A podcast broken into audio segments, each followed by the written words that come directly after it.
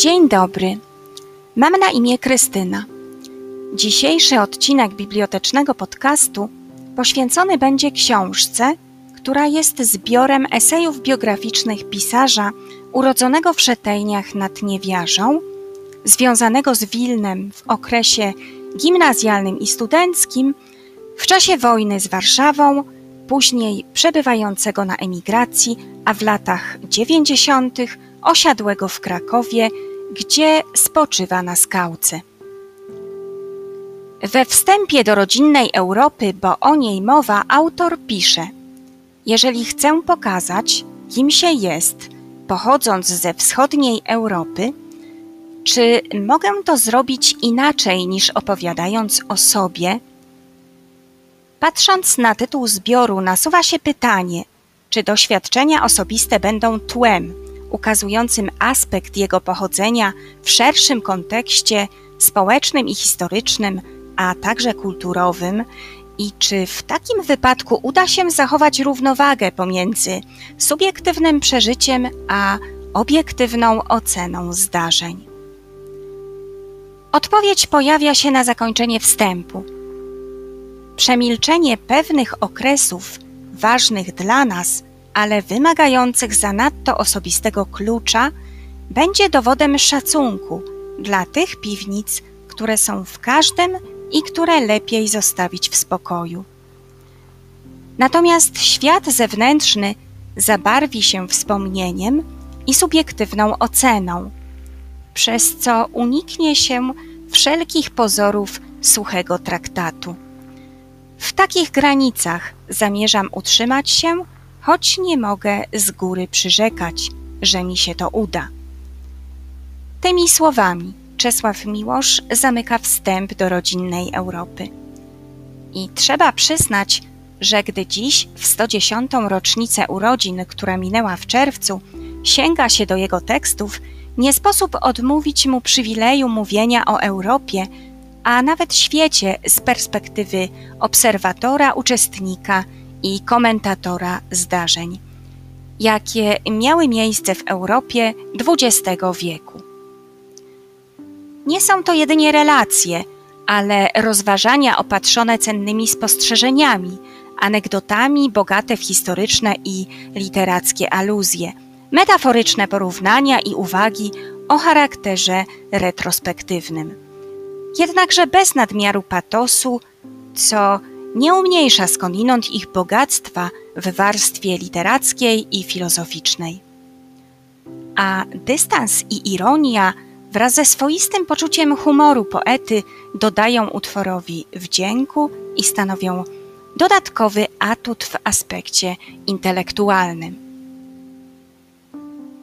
Poruszając się wraz z autorem w czasoprzestrzeni rodzinnej Europy, i towarzysząc mu w rozważaniach, jakie snuje wokół miejsc, krajobrazów, symboli i myśli związanych z urodzeniem, jak również z okresem młodzieńczym, odnosi się wrażenie, że to tu kształtowała się jego wrażliwość w postrzeganiu rzeczywistości i zarazem obiektywizm w sposobie jej prezentowania, a także Chyba charakterystyczna dla Miłosza umiejętność tworzenia odniesień historycznych, literackich oraz parabolicznych porównań poetyckich.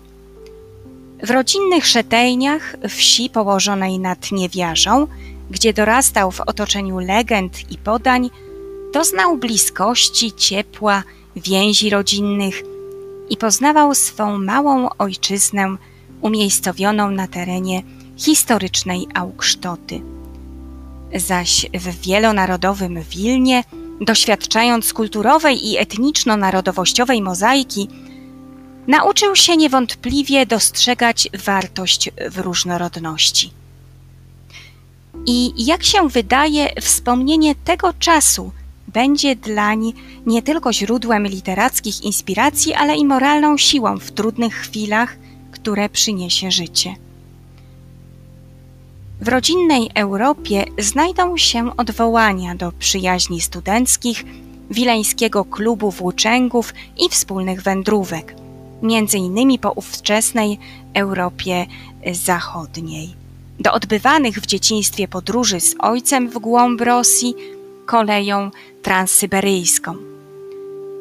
Poruszając się zatem po tekstach o miejscu urodzenia i przodkach, czytamy subiektywną relację na temat historii własnej, jednakże osadzonej w powszechnym kontekście historycznym, społecznym oraz kulturowym. Czytamy rozważania człowieka o jego rodzinnej prowincji, jak nazywa tę część Europy.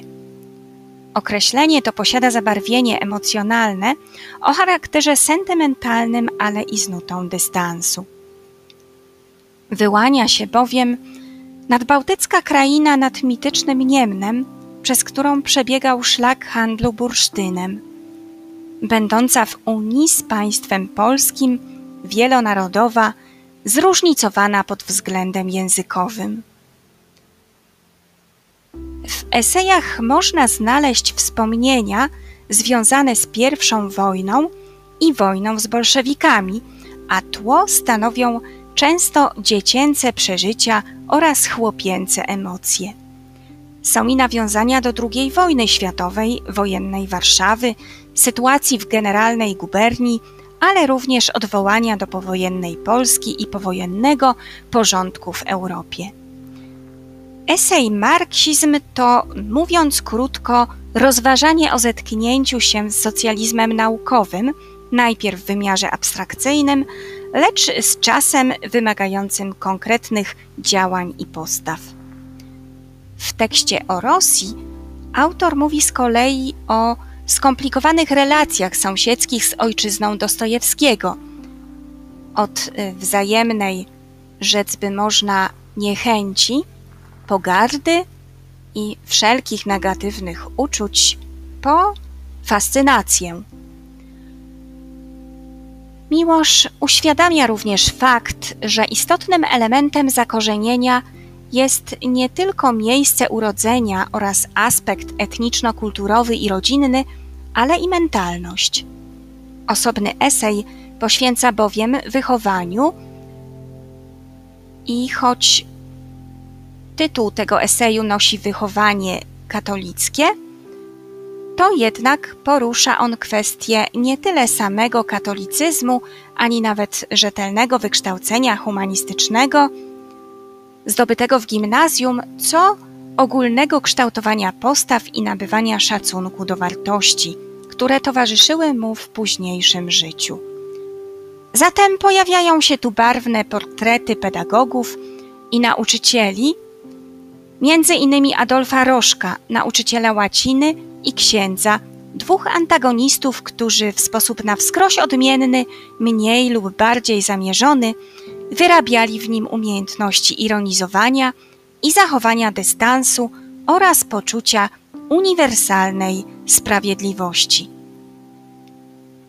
Mam nadzieję, że to niewyczerpujące przytoczenie rodzinnej Europy zachęci do sięgnięcia po ten zbiór, a być może i ponownego zagłębienia się w twórczości noblisty, czerpania z jego myśli, wiedzy oraz jakże różnorodnych doświadczeń.